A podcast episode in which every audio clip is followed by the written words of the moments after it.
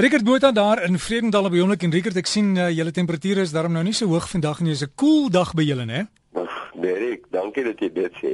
Dit is ongelooflike laaf.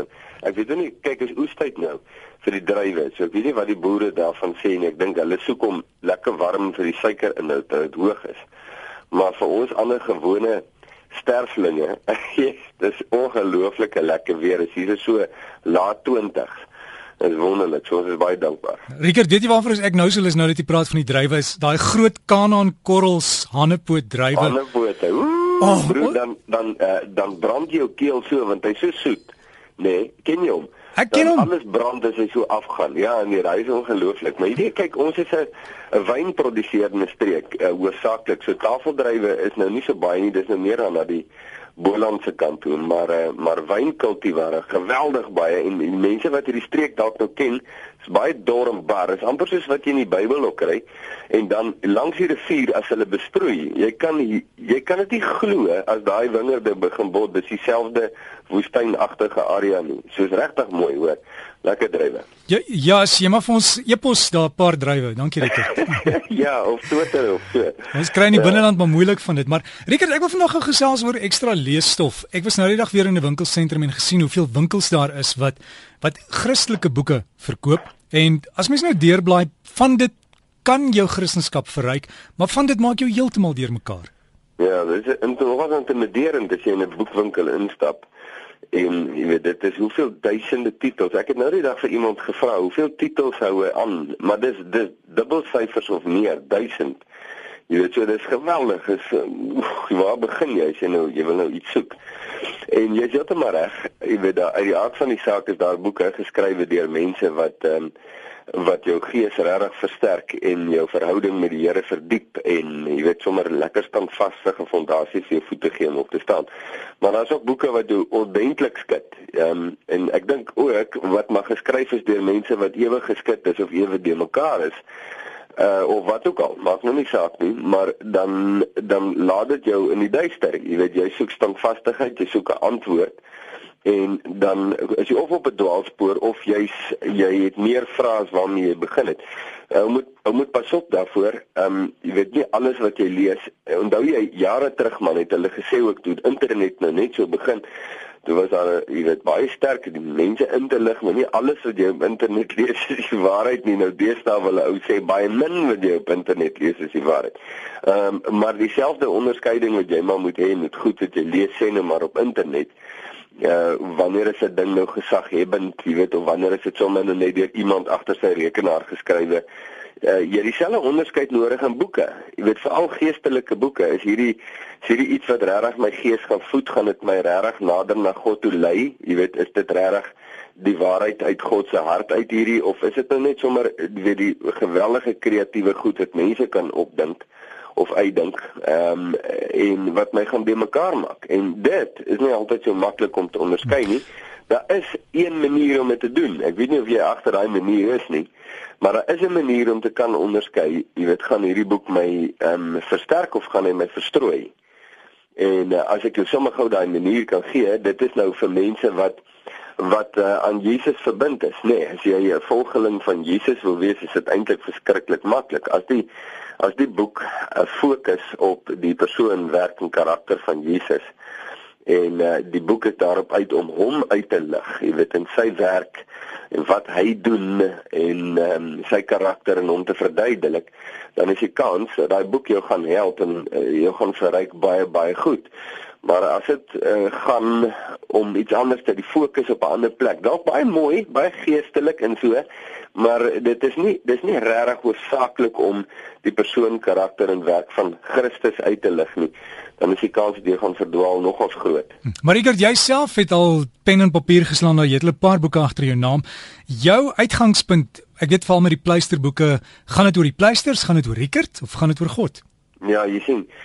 Ja, dit dis die ding. As dit sê nou maar dit gaan oor die pleisters, nê, nee, want dit is mos nou maar die meeste van daai boeke se naam. As dit nou gaan om die pleister, dan raak dit later lekker wishy-washy. Jy weet, want nou nou dink jy allerlei goedjies uit om mense nou half beter te laat voel. Nou uh, uh, jy weet, dan dan later raak jou pleister ook nou maar so 'n afgewaterde besigheid uh en, en en mense soek nie dit nie. Jy weet mense wil gestreel en getroos in so wees. Dis absoluut so maar mense soek baie meer iets standvastig. Hulle soek na diepte. Maar jy weet as my pleistertjie gaan, nee, ek noem dit nou maar so, klink so half neuralend, maar as my pleistertjie nou gaan oor die persoon in die werk van Christus en eintlik wat hy gee. Dis nie wat ek kan gee nie.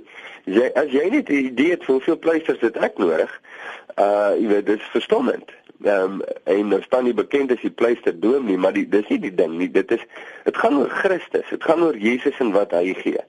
En ek het sy pleisters geweldig nodig en ek kan nie vir jou 'n pleister. Ag, wat kan ek nou vir jou sê? Jy weet, ehm um, uh, ek kan nie regtig vir jou iets gee wat van waarde is as ek jou nie uit Christus uit kan bedien nie. Dis die groot ding. So dit gaan oor God.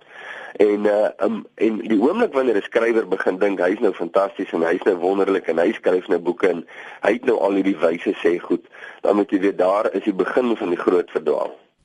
Richard, maar dit is ook goed om baie keer nie in 'n vakuum groot te word of te leef nie. Mens moet wêreldkennis hê en lees maak jou slim sê hulle. Ja, ek kyk lees lees is as jy nou so oor die algemeen vat, nee, ons probeer ons kinders leer om te lees. Ek sien nou hier's nou ongelooflike mooi projekte van skole hier in die omgewing om uh, om kinders te leer lees want hulle lees nie meer nie. Jy weet hulle hulle skryf ook nie meer nie. Uh en en dit is so dis 'n tragedie want lees verryk jou siel. Jy kan nie verkeerde goed lees in die hart van die saak, maar kom ons los nou daai eers ons sê lees, nee, kom ons sê net literatuur. Vergeet nou eers geestelike kos en dinge wat jou gees mee kan verryk in jou siel. As my vrou is is Engels en sy lees al hierdie ou klassieke Engelse boeke. Nou partykeer dan vra sy met vir my bietjie lees wat sy lees, sommer voorlees. Ons op vakansie so lekker dan lees sy nou. O, dan klink dit soos 'n fliek, jy weet, hierdie pragtige Engelse uh verhale hier uit die vorige eeu wat dit is so ongelooflik mooi en hoe hulle dit beskryf, so kunstig. En dit doen iets vir jou, nê. Nee. So ja, mens mens moet lees, jy moet uh, jy moet ingelig wees, maar jy moet ook verstaan dat inligting ehm um, is nie net daarom jou in te lig nie. Inligting is ook daarom jou gees en jou siel te lei en jy kan toelaat dat inligting jou later op 'n verkeerde pad lei. So jy moet onderskeiding kan hê tussen wat jy lees om te weet ja, waar plaas jy hierdie inligting? Want nie alles wat jy hoor en alles wat jy lees is goed en reg en en ehm um, behulpsaam nie vir jou of liefdevolle wyse soos my vrou nou altyd sal sê vir jou siel nie. So hierdie goed Ek sê regtig, ek dink hoe, hoe hoe meer ons ontwikkel, jy weet, en hoe groter ontwikkelinge daar kom, hoe hoe groter onderskeiding het ons nodig. Hoe meer wysheid het ons nodig om te weet waar moet ons trap en waar nie. Ek dink dit is belangrik. Richard, moet 'n mens dan hierdie boeke lees en baie mense spog dan sê ek het soveel boeke gelees, maar ek het nog nooit die Bybel gelees nie. Moet 'n mens die hele Bybel deurlees? Kyk, die Bybel, ek is so lief vir die Bybel, Derek, want ehm um, want die Bybel is die woord van God, dis die geïnspireerde woord van God. God openbaar homself in die Bybel. En ehm um, en die Bybel is so getrou. Ek, ek dink nou aan Paulus wat skryf dat die hele skrif is goed vir lering en weerlegging. As daar soveel kosbarehede, soveel van God wat ek wil amper sê verskuil is in die skrif. En en dis die wonderlike ding van die Heilige Gees, hy maak dit vir jou oop en dat jy dit kan verstaan. Baie ons lees die Bybel en sê dis 'n enigma, hulle verstaan hom glad nie. Maar maar God het hom geskryf het, wat hom geïnspireer het, kan hom verduidelik.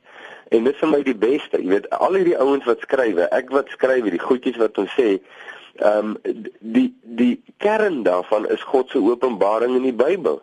So die beste ding om te doen is kom by die Bybel uit, kom by die woord uit. Lees die woord. Dis dis waar God se hart lê en sy openbaring lê. Nou nou dink ek eh, die groot manne van Melee, jy weet die konings van van uh, van destyds, ou Dawid byvoorbeeld, uh, was een van die manne wat gesê het gelukkig is die ou wat die woord oordink en wat daarop mediteer en wat dit in sy hart vasmaak. Jy weet hierdie ongelooflike goed, hierdie groot ouens wat hierdie goed sê.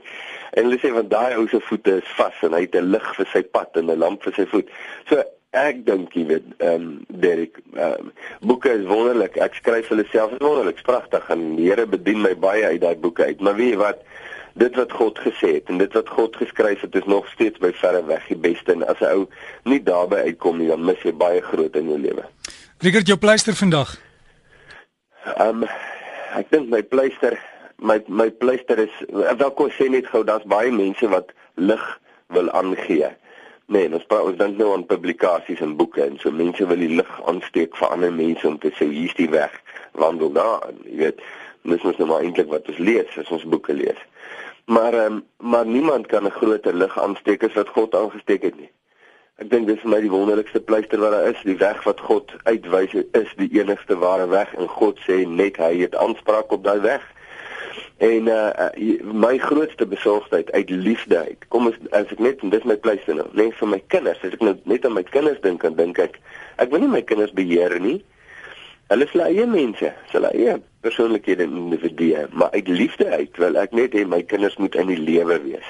Hulle moet op die pad van die lewe wandel en daai pad wys God uit deur sy seun Jesus en ek wil graag hê julle moet daarop loop.